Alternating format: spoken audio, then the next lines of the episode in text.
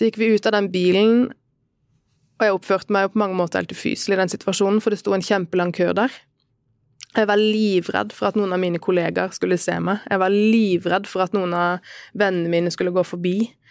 Um, jeg har tidligere vært med å dele ut mat, for jeg var med å starte Refugees Welcome Kristiansand.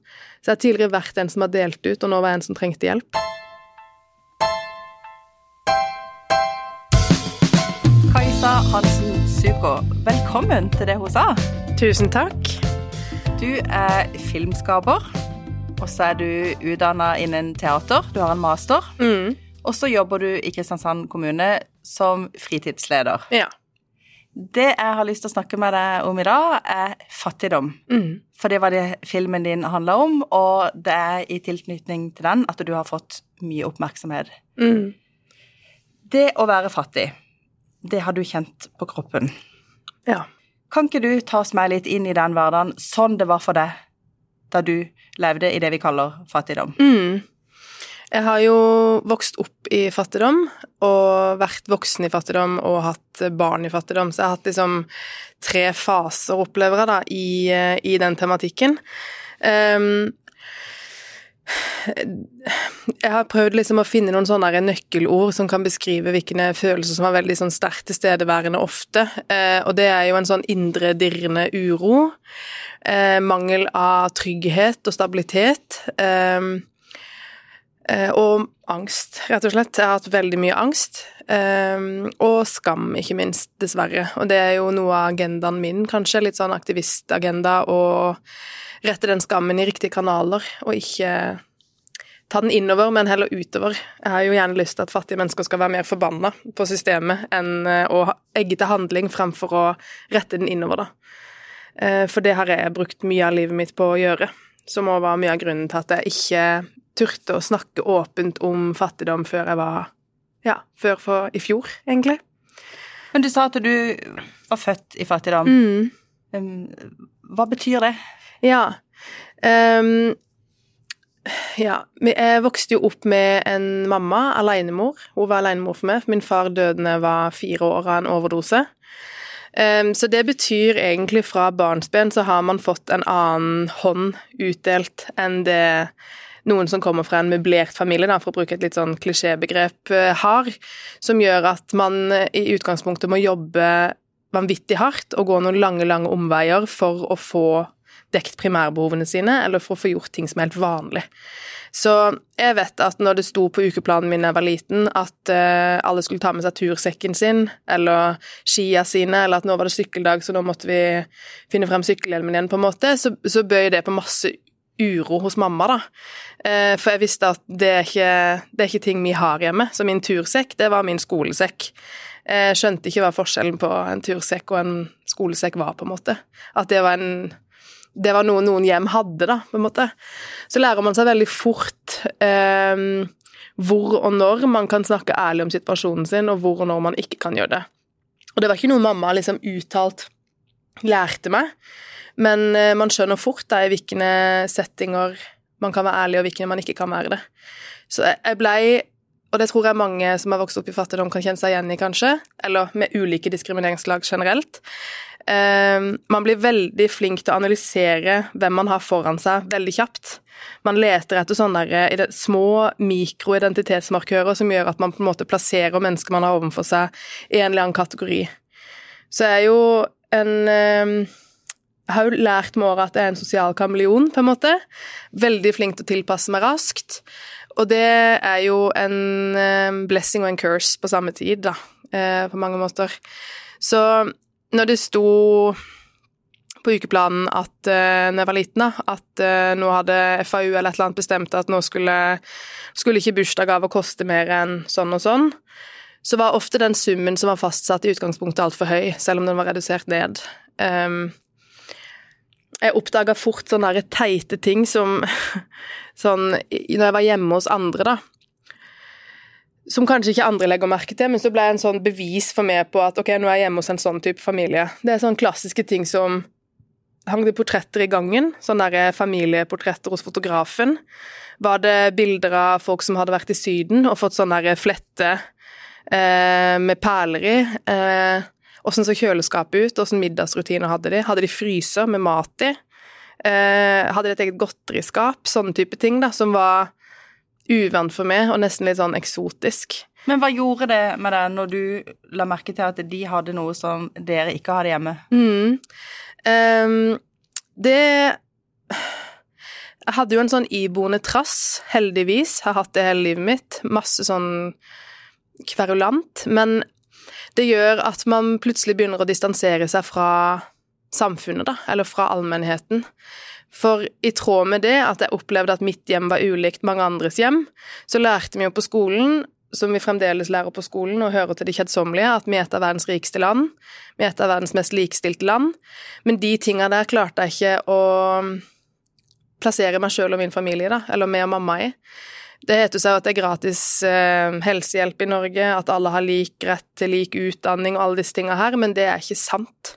Og det arvesølvet der, det opplever jeg at vi er i ferd med å miste, så vi må jo ha en det skal vi sikkert komme nærmere inn på seinere, men eh, det må jo en stor snuoperasjon til for at vi skal kunne gi våre barn og deres barn det arvesølvet, da. Men brukte du og dere det ordet, fattig, da du var barn? Nei, men mamma fortalte meg ganske tidlig at det er forskjell på folk. Um, hvis jeg lurte på hvorfor vi hadde, ikke hadde tilgang til noe eller benytta oss av noe som jeg opplevde var normalt, så repeterte mamma ofte det, da, at det er forskjell på folk. Og jeg visste at grunnen til at det var forskjell på oss og de, var økonomi, penger. Det var det som satt begrensninger og ja, mamma mange utfordringer som andre mødre og andre familier ikke hadde, da. Um, Men gjorde det at ja. du kjente på ansvar sånn overfor din mor for at hun ikke skulle føle at det var vondt, at ikke hun kunne gi deg det samme som andre fikk? Ja, både og. Jeg følte jo tidlig at det var oss mot verden. Eh, oss mot alle, på en måte. Eh, og så husker jeg at Og det var jo ikke noe mamma ba meg om eller uttrykte et behov for, eller noe sånt, men jeg skjønte at Eh, for at jeg nå kan gå i den bursdagen og ha med de pengene til den gaven, så hadde jeg lyst til at f.eks. det skulle gi henne en eller annen valuta, da. Så jeg var veldig opptatt av å skryte liksom åh, vi hadde med den, jeg hadde med den absolutt fineste gaven. Hun ble så vanvittig glad. Ja, men da kjente du jo på det ansvaret, egentlig. Ja, på, og, og, det skjønte jeg ikke da jeg var liten, at uh, det var en sånn et, et, ønske om å gi noe tilbake til henne, for jeg visste at hun hadde strevd for å gi meg det. Og det tror jeg nok eh, Mamma responderte jo aldri veldig på det, for jeg tror hun så gjennom det, eller så hva det var for noe. Så hun kunne gjerne si sånn Nei, du gjør jo bare noe som var på helt lik linje med alle andre, på en måte. Det var jo ikke noe spesielt. Eller sånn Hun ville gjerne ta fra meg det ønsket, da. Eller ta fra meg det, den følelsen. Eller det ansvaret. Ja. Ja. Mm. Så Og det følte jeg ofte at hun var veldig flink på òg. Ehm, så var jo hun kreativ, akkurat som at jeg har vært nødt til å være veldig kreativ for å finne alternativer til eh, ferier. To måneder eh, uten noe på agendaen blir to lange måneder for et barn, på en måte. Så hun var jo utrolig god på å finne løsninger som ikke kosta penger, da. Eh, så mine absolutt beste barndomsminner, det er jo to måneder på Mærdø, som er en sånn øy på utsida Arendal, i telt med to kasser nudler og fiskesnøre og ny bikini, på en måte, og seine sommernetter og fisk på bålet og de tinga der. Så, og det opplever jeg at jeg har tatt med meg videre, da.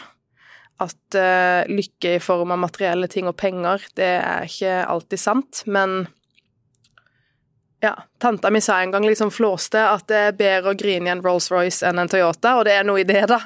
Litt sånn teit sagt, men Mm, penger gir deg en trygghet og en grunnleggende ro og veldig mange muligheter eh, som du mister hvis du mangler penger, da.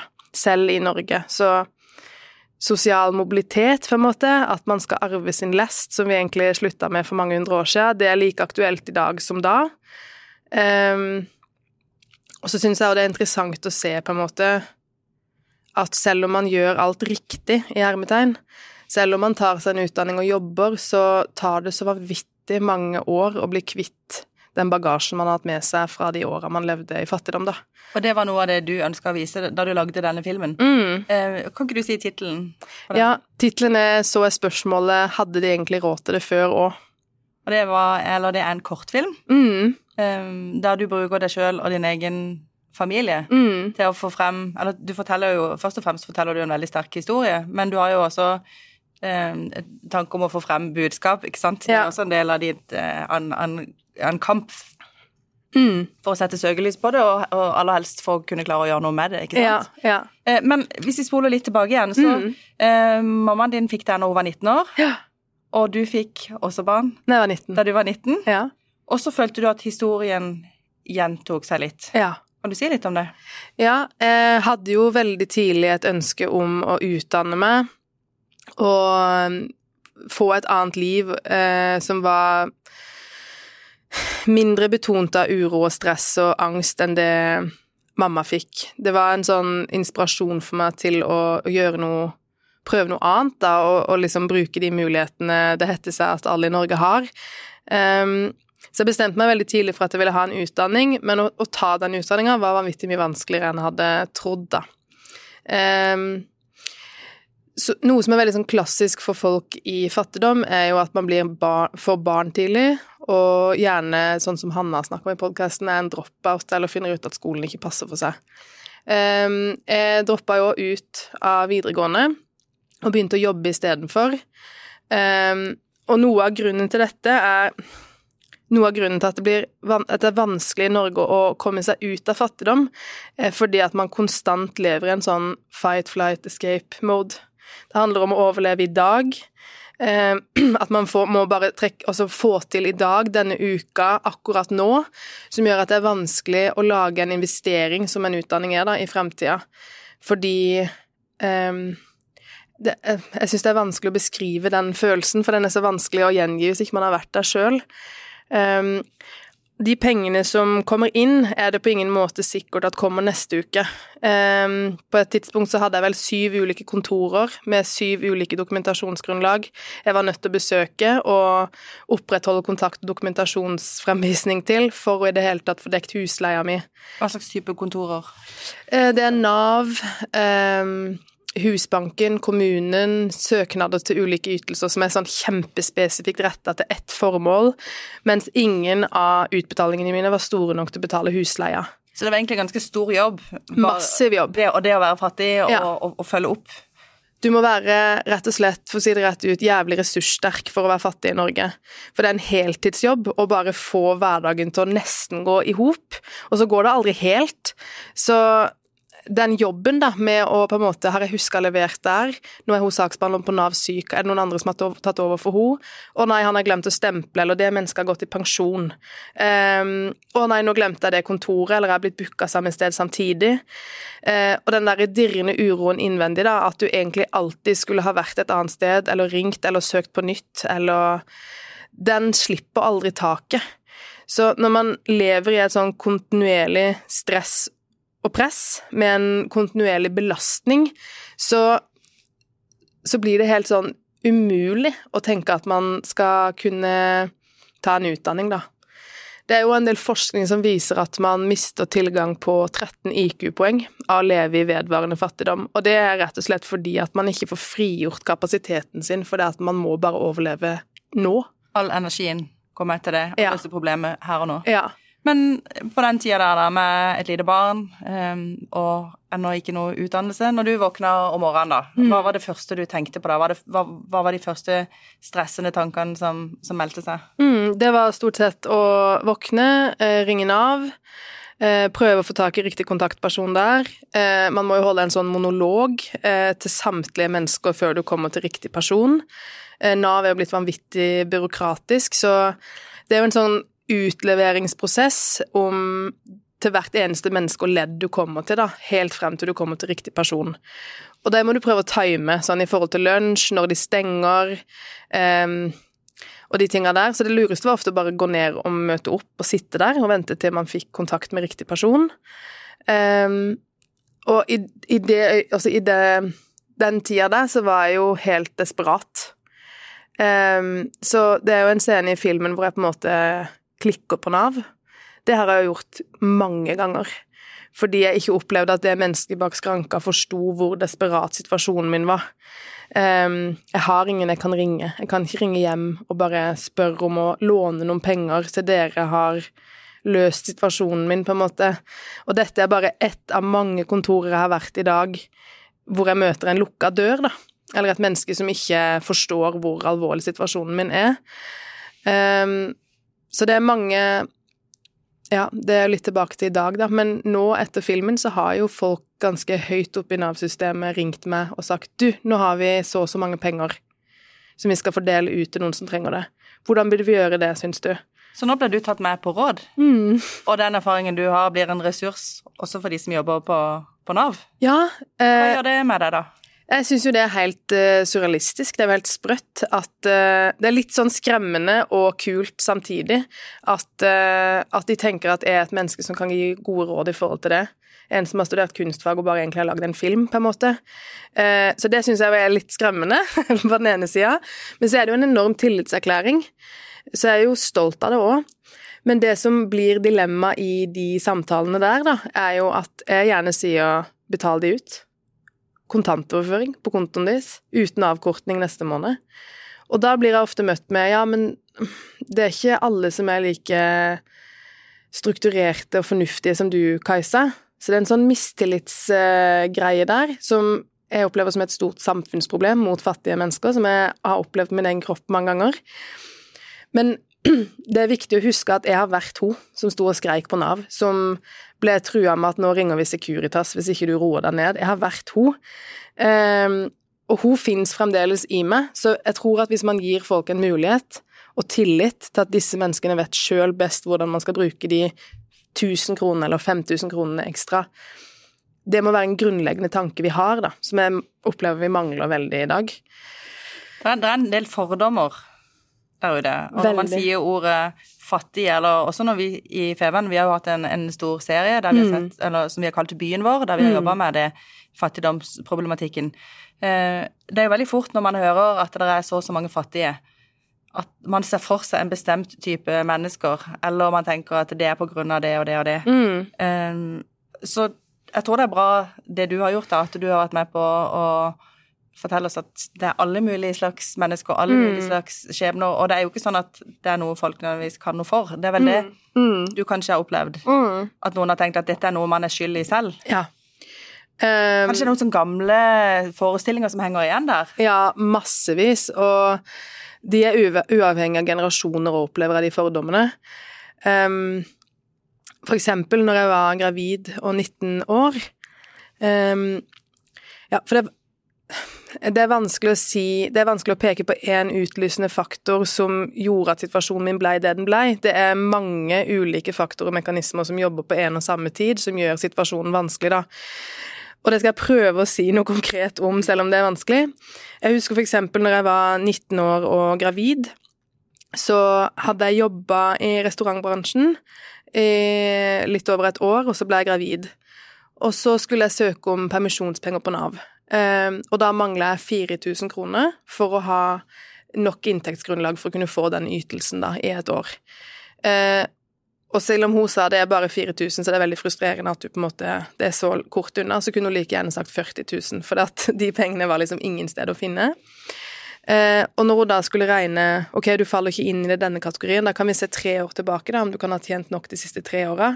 Så da var det altså 19, 18, 17. Og da hadde jeg heller ikke tjent nok da ut ifra deres grunnlag. Så da var plan B en engangsstønad. Og den engangsstønaden den gangen var på 30 000. Så jeg skjønte jo der og da at Men det funker jo ikke. De pengene er jo borte i løpet av kort tid. Eh, så hva gjør vi da? Og da opplevde jeg ikke å få et godt svar fra min Nav-veileder den gangen. Det var bare sånn Nei, men da Da er det ikke noe å gjøre med det, på en måte. Så da var det eventuelt sosialstønad. Og det er jo en ytelse som er så mikroskopisk at du får ikke Du, du blir da plassert utenfor, for det er ikke mulig å livnære seg og leve et godt liv på den ytelsen. Og like etterpå så skulle jeg til jordmor og um, sjekke at alt var bra, og sånn vanlig sjekk, da. Og så merka hun at jeg var veldig fraværende og urolig. Så hun spurte meg liksom er det noe du tenker på i dag, Kajsa. Og ryggmargsrefleksen min da er jo at dette er ikke et menneske som forstår hvilket liv jeg lever, det lønner seg å holde kjeft. Sånn som jeg hadde lært fra barnsben. Men jeg var jo kjemperedd og tenkte at ok, kanskje hun har møtt noen som er i min situasjon, og hun møter jo alle slags kvinner. Så jeg bestemmer meg for å tørre å dele. Så forklarte jeg hvor jeg hadde vært, og hva som hadde skjedd, og hvilken beskjed jeg hadde fått. Og så liksom snur hun seg vekk fra datamaskinen, kikker på meg, og så ruller hun litt mot meg på den her kontorstolen sin, så sier hun eh, 'Ruser du deg?' Og da får jeg helt panikk. Eh, jeg blir rasende og livredd samtidig. Fordi her får jeg jo nettopp på en måte bekrefta en gang til at det lønner seg å holde kjeft. For det folk ofte har noen fordommer mot mennesker som mangler penger. Og det er ofte liksom rus, vold, at du er litt dum, at du ikke har skjønt det alle andre skjønner, at du er lat, osv. Og, så og for meg som hadde en far som døde av rus, så var det på en måte helt vanvittig krise å bli malt inn i en sånn rolle, da. Så jeg blei helt stille, for jeg tenkte at hvis jeg viser henne sint der nå, så får hun på en måte en sånn 'Å ja, ok, hun blir sint. Eh, det er sikkert fordi at jeg har truffet en nerve her.' Eh, eller hun blir helt stille. Eh, det er nok fordi at hun blir stressa fordi at jeg har avslørt henne. Jeg følte uansett hvordan jeg reagerte i den situasjonen, så ville jeg bare bekrefte hennes fordom. Så det endte opp med at jeg gikk derfra. Og så kontakta jeg noen andre jeg kjente som var gravide, og lurte på om de hadde fått noen lignende spørsmål. Ingen av de hadde det. Um, så fikk jeg kontinuerlig beskjed av jordmødre osv. om å slappe av for det var jo farlig for babyen min om jeg stressa. Jeg var på masse ekstrakontroller fordi jeg var veldig stressa og urolig. Eh, så jeg slutta å produsere fostervann på et tidspunkt. Eh, og når jeg fødte, så hadde jeg grønt fostervann, som var en sånn indikator på at fosteret mitt eller babyen min hadde vært stressa. Og babyen min fikk også kolikk. Så det å være fattig, det blør over i så mange andre arenaer av livet at det er helt altoppslukende. Hele livet ditt handler om det til slutt. Eh, og det er så mye mer enn det å ha lite penger på konto, da. Eh, det, det, gir en sånn mørk sky som du bare ikke kommer unna, uansett hva du gjør, og uansett hvor hardt du prøver. Så startskuddet mitt til livet var på en måte med litt dårligere forutsetninger enn andre. Jeg hadde én forelder istedenfor to, og så videre. Og de begrensa mulighetene det ga meg, tvingte meg inn i noen vanvittige omveier til et mål som andre kunne gå stille og rolig mot. Så når jeg da bestemte meg for at dette må jeg bare få til, så var det en tung, lang vei. Jeg måtte eksempel begynne å jobbe igjen når dattera mi var tre måneder. Det var helt forferdelig. Hun hadde jo kolikk òg, så jeg, jeg, kan nesten ikke huske noe av den perioden. Um, jeg husker bare at jeg hadde ofte angstanfall på jobb og sto inne på kjølen i den restauranten og ikke fikk puste. Eh, og hadde en kjempedårlig timesbetaling, og lønna Vi hadde en veldig dårlig daglig leder, så det gikk to måneder uten at vi fikk noen penger i det hele tatt, hvor vi måtte gå ned og spise på jobb fordi lønningene våre ble holdt tilbake. Men hva gjorde du med, med barnet ditt i den perioden, for det er jo dyrt med barnehage òg? Ja. Jeg kunne jo ikke sende henne som tre måneder gammel baby i en barnehage, så hun var jo hjemme med pappaen, pappaen sin, da. Eh, men det var forferdelig vondt å stå med melkespreng og bare et ønske om å lage en trygg situasjon for mitt barn, og egentlig bare et ønske om å være en sånn myk bomullsklump hvor jeg på en måte bare kunne gi henne trygghet og ha henne nært, og ikke ha mulighet til det. Ikke kunne det. Jeg måtte jobbe, hvis ikke så hadde vi ikke klart oss. Men, men du greide å jobbe, og du greide å mobilisere et eller annet til tross for den ekstreme situasjonen du var i. Ja. Så du må jo ha en veldig styrke i det. Ja, og den styrken, eh, den tror jeg ikke man på en måte kan mobilisere og trekke fram og hente fram. Den kommer bare eh, når du må overleve. Så det er en sånn adrenalin, eh, forferdelig tilstand å være i. Jeg husker jeg kom hjem fra jobb.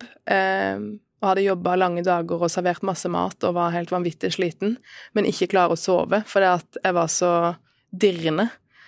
Um,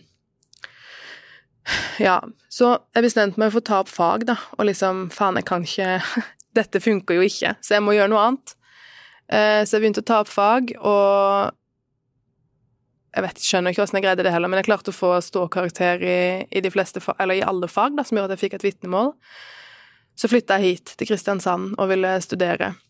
Og da husker jeg jeg var så redd for Jeg hadde så mange erfaringer med at det var knot med Nav, og at det liksom alt, Jeg har aldri levert en søknad på Nav, og så hadde jeg gått knirkefritt. Så hadde jeg gått sånn som prosessen egentlig skal gå. Det har aldri skjedd i mitt liv. Så jeg tenkte sånn Det er jo for godt til å være sant at det skal funke nå.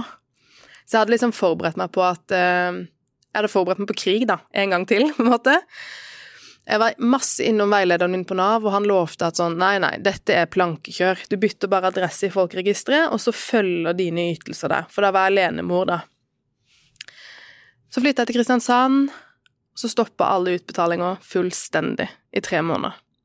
Så jeg hadde jo da ikke penger til å betale leie, ikke penger til å betale barnehage, ikke penger til å betale semesteravgift, selv om den semesteravgifta bare kosta 850 kroner i det scenarioet, da, hvor jeg ikke på en måte visste blir jeg kasta ut av leiligheten min i morgen eller neste måned, hvor lenge kommer han til å tro på den forklaringa jeg har, som er helt sann, om at Nav ikke betaler det jeg har krav på, og jeg har fått godkjent at jeg skal få? Um, og så skulle jeg levere dattera mi en barnehage jeg ikke hadde betalt, og gå og lære noe nytt, og mingle og bli kjent med folk, som er en helt umulig oppgave, egentlig. Uh, men jeg fikk det jo til på et eller annet sinnssykt vis. Jeg klarer ikke å peke på hvilke faktorer som gjorde det, men jeg tror bare når man er så pressa til veggen, så må man bare handle, på en måte. Og så oppdaga jeg jo dumpster diving, som ble liksom redninga, da. Å gå i søppeldunker og finne mat butikken hadde kasta, og så forvelle det. Så jeg lagde jo masse saft og bakte til den store gullmedaljen og frøs ned og sånn. Ja, for den kreativiteten som du har i deg eh, som jo har resultert i denne filmen og alt det, den var også eh, et verktøy for deg rett og slett til å klare å, å overleve på det mm. tidspunktet, og mm. du fant en del sånn triks ja. du kunne gjøre. Mm. Vil du si litt om det som, som et eksempel på hvordan du faktisk klarte å Nei, det er jo eh, Dumpsterdiving har vært sentralt ofte. Eh, og dumpsterdiving er jo klart Det er jo blitt en sånn aktivitet nå som er blitt litt sånn sexy, på en måte. Men for deg var ikke det en, en, Det var ikke noe gøy, det? Nei, jeg dumpsterdiver jo enda, men det er jo med et annet formål enn det jeg gjorde da. For da handla det jo om å overleve. Hvis men de som ikke vet hva det er? Ja. Nei, det handler jo Det er rett og slett at butikkene våre, de eh, kaster jo mat som på mange måter er fullt spiselig. Som holder på å gå ut på dato, eller som nettopp har gått ut på dato. Og frukt sånn en boks med tomater, så er det kanskje en som er råtten, så kaster man hele istedenfor den ene tomaten, da. Um, som i utgangspunktet er helt groteskt. Jeg husker ikke hvor mange tonn det vi kaster i året, men det er helt svimlende mye, i hvert fall. Um, og da er det noen mennesker som har funnet ut av dette, da, at de søppeldunkene står i enkelte matkjeder ulåst, tilgjengelig for liksom oss.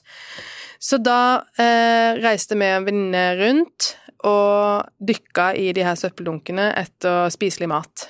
Og vi fant jo helt vanvittig mye. Um, men det gir selvfølgelig en annen følelse når jeg dømte der og nå. Så er det sånn Hei, butikksjef, her er jeg, liksom. I dag var det mye bra her. Den gangen var det jo noe annet. Fordi det var grunnen til at vi hadde noe å spise, på en måte. Fant jeg noe, så var det kjempebra. Fant jeg ikke noe, så var det krise. Og så blir det veldig vanskelig å forklare denne Det blir veldig risiko... Jeg opplevde det veldig risikofylt å være åpen med mine medstudenter, for eksempel, og folk jeg nettopp hadde møtt, om hvordan livet vårt var, da. For du kan jo tenke deg sjøl hvis på en måte naboen din plutselig hadde ringt på døra og sagt sånn Du, kan jeg låne et halvt brød og, og litt melk til, til, mandag, bare for jeg har ikke fått lønn ennå, og vi har ikke noe mat? Så er jo ikke det en samtale vi har. Det er jo ikke noe vi hører om eller vet at fins. Og hvis noen hadde kommet og ringt på døra til en vanlig borger i samfunnet vårt og spurt om det, så hadde man umiddelbart tror jeg, da, har jeg vært mye redd for, tilegna det mennesket veldig mange dårlige egenskaper. Hvorfor er hun her? Har ikke hun barn? Hvordan har de barna det, egentlig? Er hun ikke en god omsorgsgiver? Hvorfor har hun havna i denne situasjonen? Alle de derre ekstra egens, dårlige egenskapene man tilegner et menneske ut ifra at situasjonen deres er vanskelig.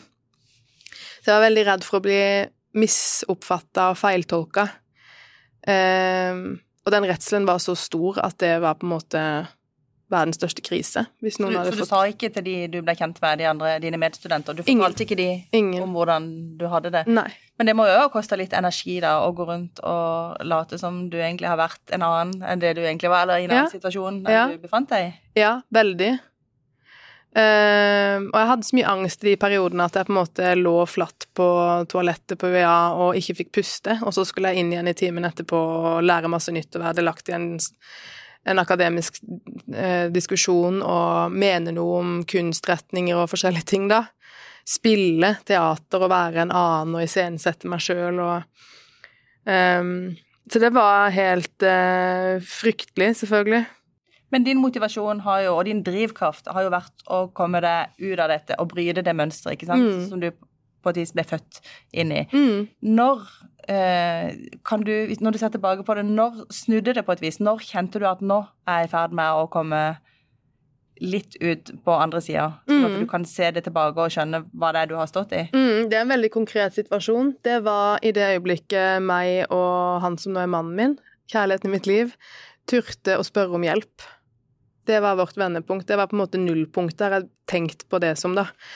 Og det var jula 2019, tror jeg. Da var jeg gravid med mitt yngste barn. Eh, Det var tre uker til jul, og vi satt i en situasjon hvor På det tidspunktet så jobba jeg 100 i kommunen. Eh, hadde en mastergrad, og han studerte, og vi tok absolutt alle mulige strøjobber du kan tenke deg. Og så fjerna asbestkledning, raka hager, gikk tur med bikkjer, jeg var aktmodell. Alt mulig slags strøjobber. Eh, og i tillegg så fikk vi ikke endene til å møtes. Og da var vi plutselig i en situasjon hvor eh, hvor det etterslepet vi har båret med oss da, i årevis, holdt på å velte oss fullstendig. Så da satt vi og hadde hørt om den organisasjonen som heter Hjelp oss å hjelpe. Um, for en kompis jobber frivillig der, og overveide om vi skulle sende en melding og spørre om vi kunne få noe mat. For vi hadde ikke penger til mat. Altså, vi var liksom helt skvist opp i et hjørne.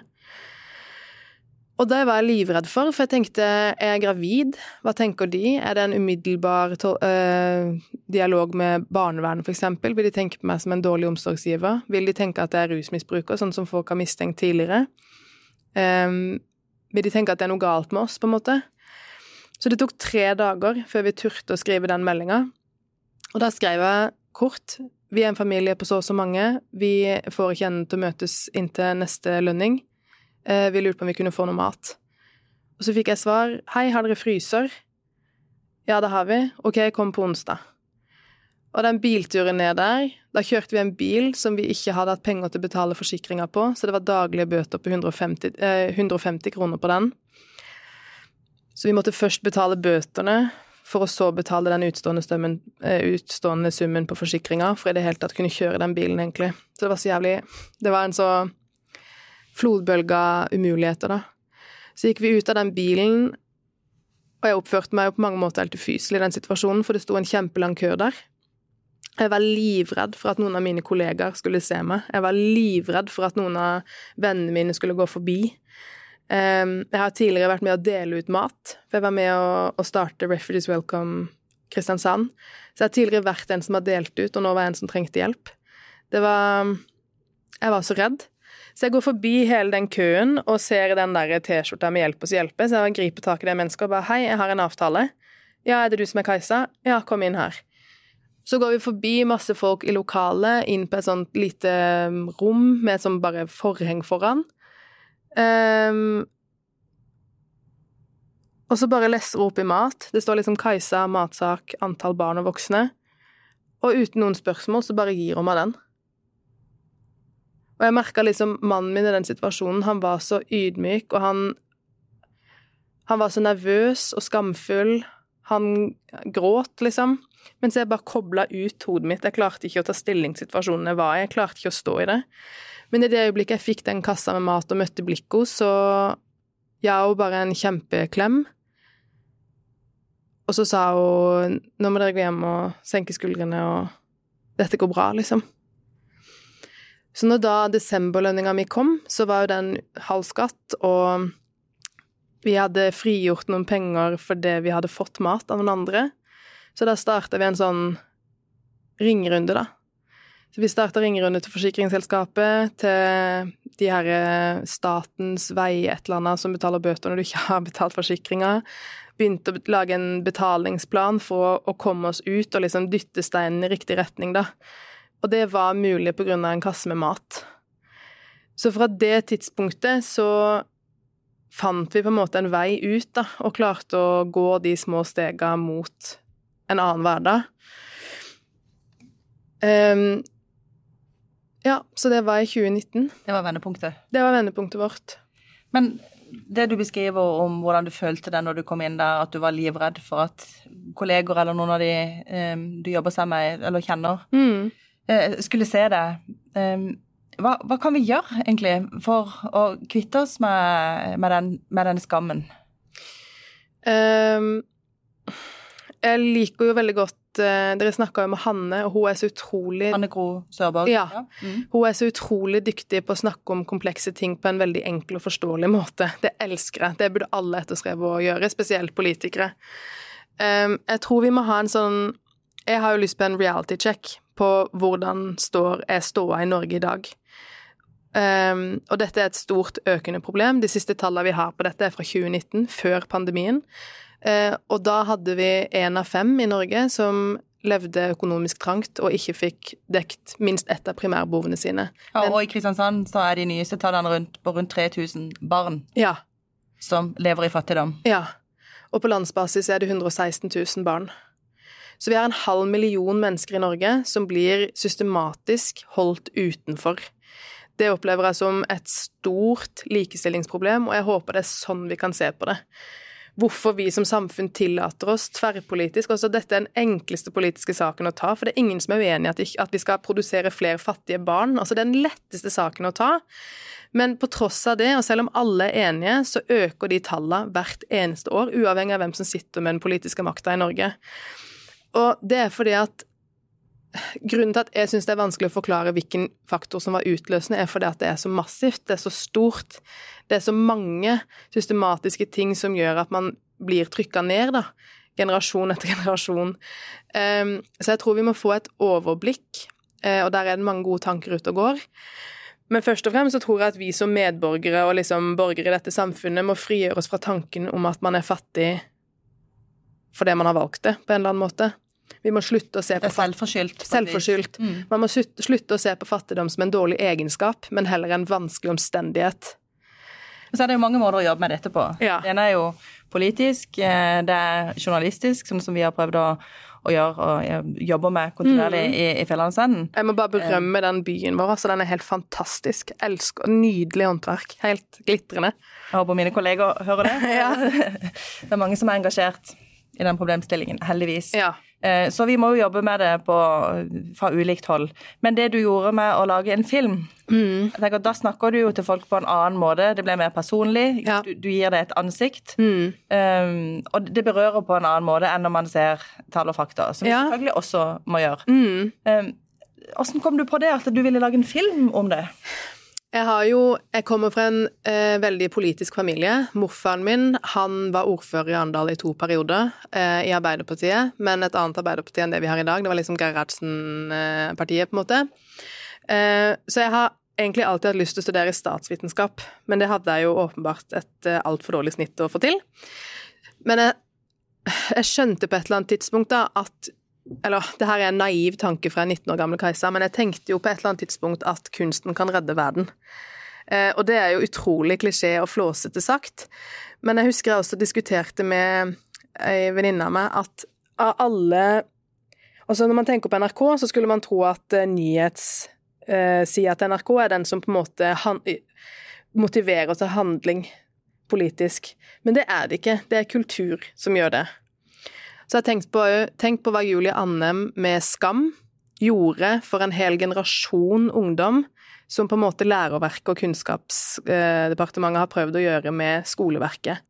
Jeg opplever jo at kultur har en, en viktig funksjon i å speile samfunnet, sånn som det også har hatt historisk. Vi vet om tidligere samfunnslag fordi vi kan se portretter av det, vi kan lese litteratur om det, osv. Um, så kunst og kultur har kanskje aldri vært viktigere enn nå. Og så skjønte jeg på en måte også på et tidspunkt når jeg turte å liksom OK, jeg opplever ikke en god nok representasjon av fattigdom i Norge. Jeg kjenner meg ikke igjen i det som blir sagt om fattigdom. Eh, så jeg hadde jo lyst til å lage noe som de av oss som har den erfaringa i kroppen, da, kan kjenne seg igjen i. En litt sånn ærlig fortelling. Og så håpte jeg jo at ikke det skulle bli en sånn tårevåt syns synd på meg-fortelling. For jeg klarer Jeg hater å være et offer. Det bare Det tåler jeg ikke. For det er så umyndiggjørende. Og jeg opplever meg sjøl som en ressurssterk, smart person. Men i det øyeblikket man blir et offer og en som en stakkar man skal hjelpe, så forsvinner de sidene av meg, da. Da opplever jeg ikke at man ser det lenger. Så ja, det var det jeg ville med den filmen, da. Og den tar utgangspunkt i virkelige hendelser og erfaringer Mm. som, du har, som du har hatt. Ja. Som, Alt som skjer i filmen, har skjedd på ekte, på en måte. Ja. Hvordan, hvordan har det vært da å være så åpen og ærlig og fortelle det til alle? For en periode, som du sa i stad, så brukte du jo mye energi på å holde alt skjult. Mm. Og nå viser du til hele verden. Nå, nå er det plutselig snudd. Nå vil du at alle skal vite ja. hvordan det var. Hvordan, hvordan er det? Det ehm, Jeg kontakta veldig tidlig i prosessen, for jeg har aldri lagd film før. Kan jo ikke lage film. Eh, så hadde jeg visst nå hvor vanskelig og omfattende det er da, så hadde jeg aldri turt å gjøre det. Så det var jo litt sånn eh, bliss of ignorance, på en måte, at jeg starta med det prosjektet. Um, så da kontakta jeg jo noen jeg visste kunne lage film, og så hadde jeg veldig tidlig spurt Ida Fugli, som er en helt rå dame, som jeg anbefaler at dere prater med, om hun kunne være min slags uh, kunstneriske veileder. Og når hun leste manuset jeg hadde skrevet, og tematikken jeg ville ta opp, så sa hun fy faen, så tøff du er. Det her hadde jeg aldri turt. Og hun er en av de modigste kunstnerne jeg kjenner. Så, men jeg skjønte ikke hva hun mente. Jeg skjønte ikke hvorfor det var så tøft. Og så lagde vi jo filmen, og så hadde jeg planlagt premiere på Arkivet Freds- og menneskerettighetssenteret og en liten turné på bibliotekene i Kristiansand. Eh, syns jo biblioteker er sånn åh, jeg elsker biblioteket. For de får til så mye som jeg syns resten av samfunnet bare burde kopiert eh, strategien rundt. Og så på premieren så kom jo kjentfolk. Familien min, kollegaer, eh, bekjente, venner osv. Og så skjønte jeg på en måte, når filmen begynte å rulle, hva faen er det jeg har gjort nå? Og så så jeg reaksjonen i salen. Det var helt stille. altså Du kunne høre hvis noen mista et hår på gulvet omtrent. Og når da filmen var Jeg klarer nesten ikke å snakke om det uten å bli berørt. jeg. Når filmen var over, så var det bare sånn Alle reiste seg og klappa. Så det var jo en sånn Lufta gikk ut av ballongen, på en måte. Nå har jeg sagt det. Um, og redsel, selvfølgelig. Men jeg fikk jo overveldende positive reaksjoner, og det satt så mange smarte mennesker i den salen fra ulike liksom, yrkesgrupper som mente at jeg hadde sagt noe viktig, og noe som trengtes å bli sagt, da. Så jeg var jo vanvittig stolt. um, og så begynte jo ballen å rulle, altså det tok jo helt av. Og det var jeg så lite forberedt på, da, for jeg hadde jo bare planlagt denne biblioteksturneen og liksom Nå er prosjektet ferdig, nå har jeg gjort det.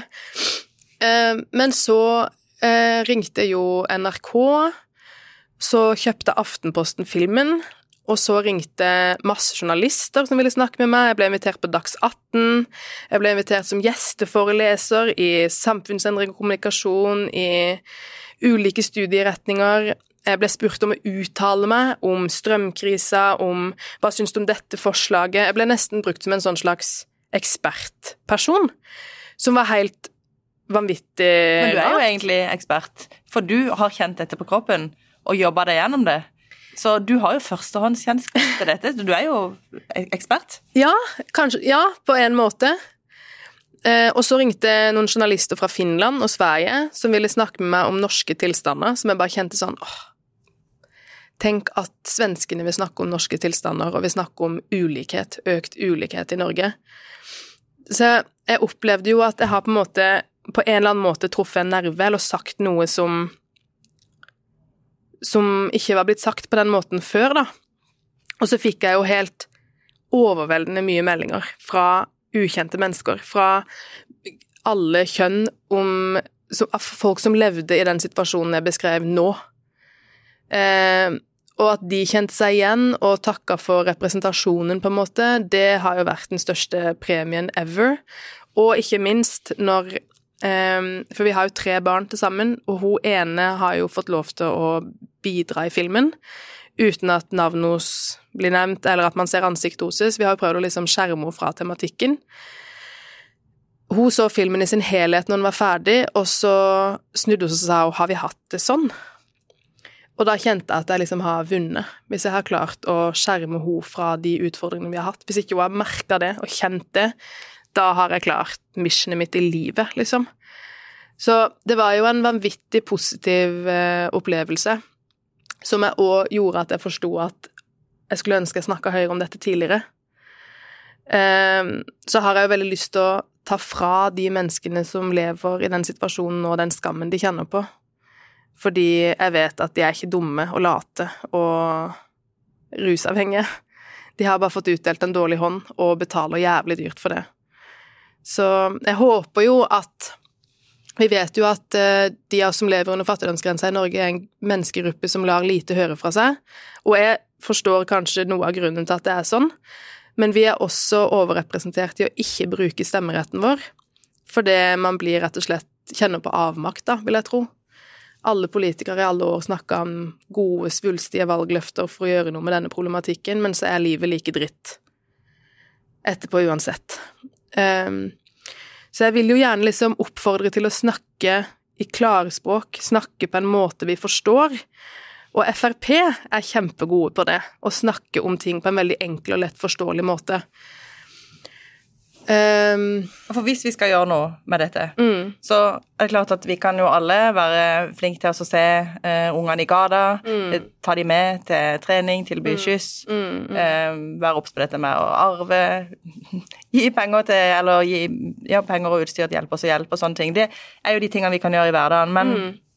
hvis vi skal få til strukturelle endringer, altså hvis vi skal forebygge at det skjer igjen, og få gjort noe med årsaken til problemet, så må vi jo jobbe på et høyere nivå enn det også. Mm. Eh, Og iallfall politisk. Og du har jo vært også i, i formannskapet Mm. i Kristiansand Mm. og vist filmen der. Eh, og det må jo ha vært eh, Det var veldig sprøtt, Ja. ja. Ehm, jeg ble jo invitert dit av varaordføreren, for han var på premieren, sammen med en del andre politikere. Og så så vi filmen der, og så sier han etter filmen var ferdig, at nå har du på en måte muligheten Kais, til å snakke til det nest øverste maktorganet i Kristiansand. Og jeg hadde forberedt noe jeg skulle si, men jeg bare kasta notatene mine. Og så kjente jeg blei irritert. Jeg blei sint. Jeg tenkte at dette skal ikke være en nyhetsverdi for dere. Jeg har ikke lært dere noe nytt nå. Dette skal dere kunne. Dette skal dere vite. At jeg har bodd i Kristiansand i ti år, og dette har vært mitt liv i Kristiansand. Det gir jeg dere noe av ansvaret for. Og er det noen som sitter på mange nøkkeltall, som kan de tallene som Fedrelandsvennen nå er god på å formidle gjennom artiklene sine og sånn, så er det den gruppa. De burde være de best informerte menneskene vi har i byen vår. Så jeg kjente en sånn Her står jeg og forteller noe dere vet kjempegodt fra før, men som tydeligvis ikke har stått øverst på mange nok lister, da. Og når jeg blir veldig engasjert eller sint, så begynner jeg dessverre å grine, som er en sånn åh, jeg hater det, for det er så avvæpnende, og det setter meg i den der å, stakkars ho-situasjonen som jeg bare ikke tåler, for jeg vil bli sett som et tenkende, smart menneske. Så da holdt jeg en, en, en slags, eh, hva skal jeg si, tale, hvor jeg snakka om at jeg ønsker at dere, samtlige her inne, skal frigjøre det fra tanken om at vi er fattige fordi vi er late eller dumme, eller har misforstått noe, og at vi må se på en overordna blikk på hvem er det vi når med politikken og, og ytelsene vi tilbyr, og hvem er det vi ikke når, og hvorfor når vi det ikke. Og da må de hente inn en ekspertgruppe som er oss, som har den erfaringa. Og så må man lytte til det som blir sagt da. Så jeg tror Og hvis man nå da kan klare å prate om dette samfunnsproblemet på en måte som gjør at us, uskolerte, altså ikke bare sosionomer og statsvitere skjønner hva vi snakker om, men oss som er berørt av tematikken, så tror jeg man kan kanskje få litt større tillit til politikerne, da, og tillit til at endring er mulig. Og nå jobber jo du som fritidsleder. Mm. Og det betyr at du, du er jo i en posisjon der du på en måte har kanaler både altså, oppover til politikerne, men også ut til det vi kaller vanlige folk. Og du treffer ikke minst barn og unge. Mm. Og en god del av de du møter, vil jo statistisk sett være i den situasjonen som du har vært i. Ja. Eh, Hvor mye tenker du på det når du, når du møter disse Veldig, barna? veldig mye. Um, altså, Gunn Heidi, som jobba i gamle Sogndalen kommune, gjorde den genistreken å ansette Lene Mordal, Hanne Kroh Søberg og meg som nære kollegaer. Så har jeg fått lov til å bruke erfaringen min til, i, i arbeidet mitt også, med å lage gode, åpne kulturtilbud for barn og unge uavhengig. Altså det skal være tilgjengelig for alle, selv de med diskrimineringsgrunnlag. Og da er det en sånn vanlig felle å gå i å si at her kan alle komme. Men hvem er alle, og hva gir de tilgang til tilbudet mitt? Er det nødt Må man ha skyss? Må man ha bil og sertifikat? Må man ha internett hjemme for å oppdage tilbudet? Må man ha penger eller kunne et språk? Eh, eller er det faktisk åpent for alle? Så hvis man ønsker at noe skal være åpent for alle, så må man se på hvem er det jeg tenker på som alle? Hvem er det som faller utenfor der? Og så må jeg jobbe for å tilrettelegge sånn at jeg faktisk får med alle. Så noe arbeidet mitt i, i, kommunen har jo vært å være med å lage eh, kulturtilbud og fritidstilbud for barn. Og da har vi jobba ut ifra liksom en sånn kritisk teori, da, og virkelig liksom spurt oss sjøl har vi nådd alle. Hvorfor klarte vi ikke det denne gangen? Da må vi gjøre det bedre neste gang. Um, og jeg ser jo at det er så mye å vinne på at det store alle vi, fellesskapet, virkelig skal være alle vi. For da får vi en kompetanse inn eh, fra krysskulturelle barn som besitter en kompetanse jeg aldri kan lære meg på universitet eller noe sted. Og overføre de verdiene da, på å se på hvor, hvor er vi like, og hva er det som på en måte holder noen utenfor det er noen utrolig spennende samlingspunkt og samtaler som kommer ut av det, som gjør alle litt rikere, da. Så det er så mye å vinne på å gjøre vi-et større enn det det er i dag. Og en sånn sentral faktor i at vi holder folk utenfor, er jo helt overbevist om at det er økonomi, da. Det er ganske massive tall. Én av fem i en nasjon med fem millioner innbyggere, så er én av fem fattige. Og vi bor på mange måter i et av verdens rikeste land, så hvis ikke vi klarer å gjøre noe med dette, så ser det mørkt ut, tenker jeg. Vi har så mange muligheter til å gjøre noe med det i verdens rikeste og mest likestilte land, Norge.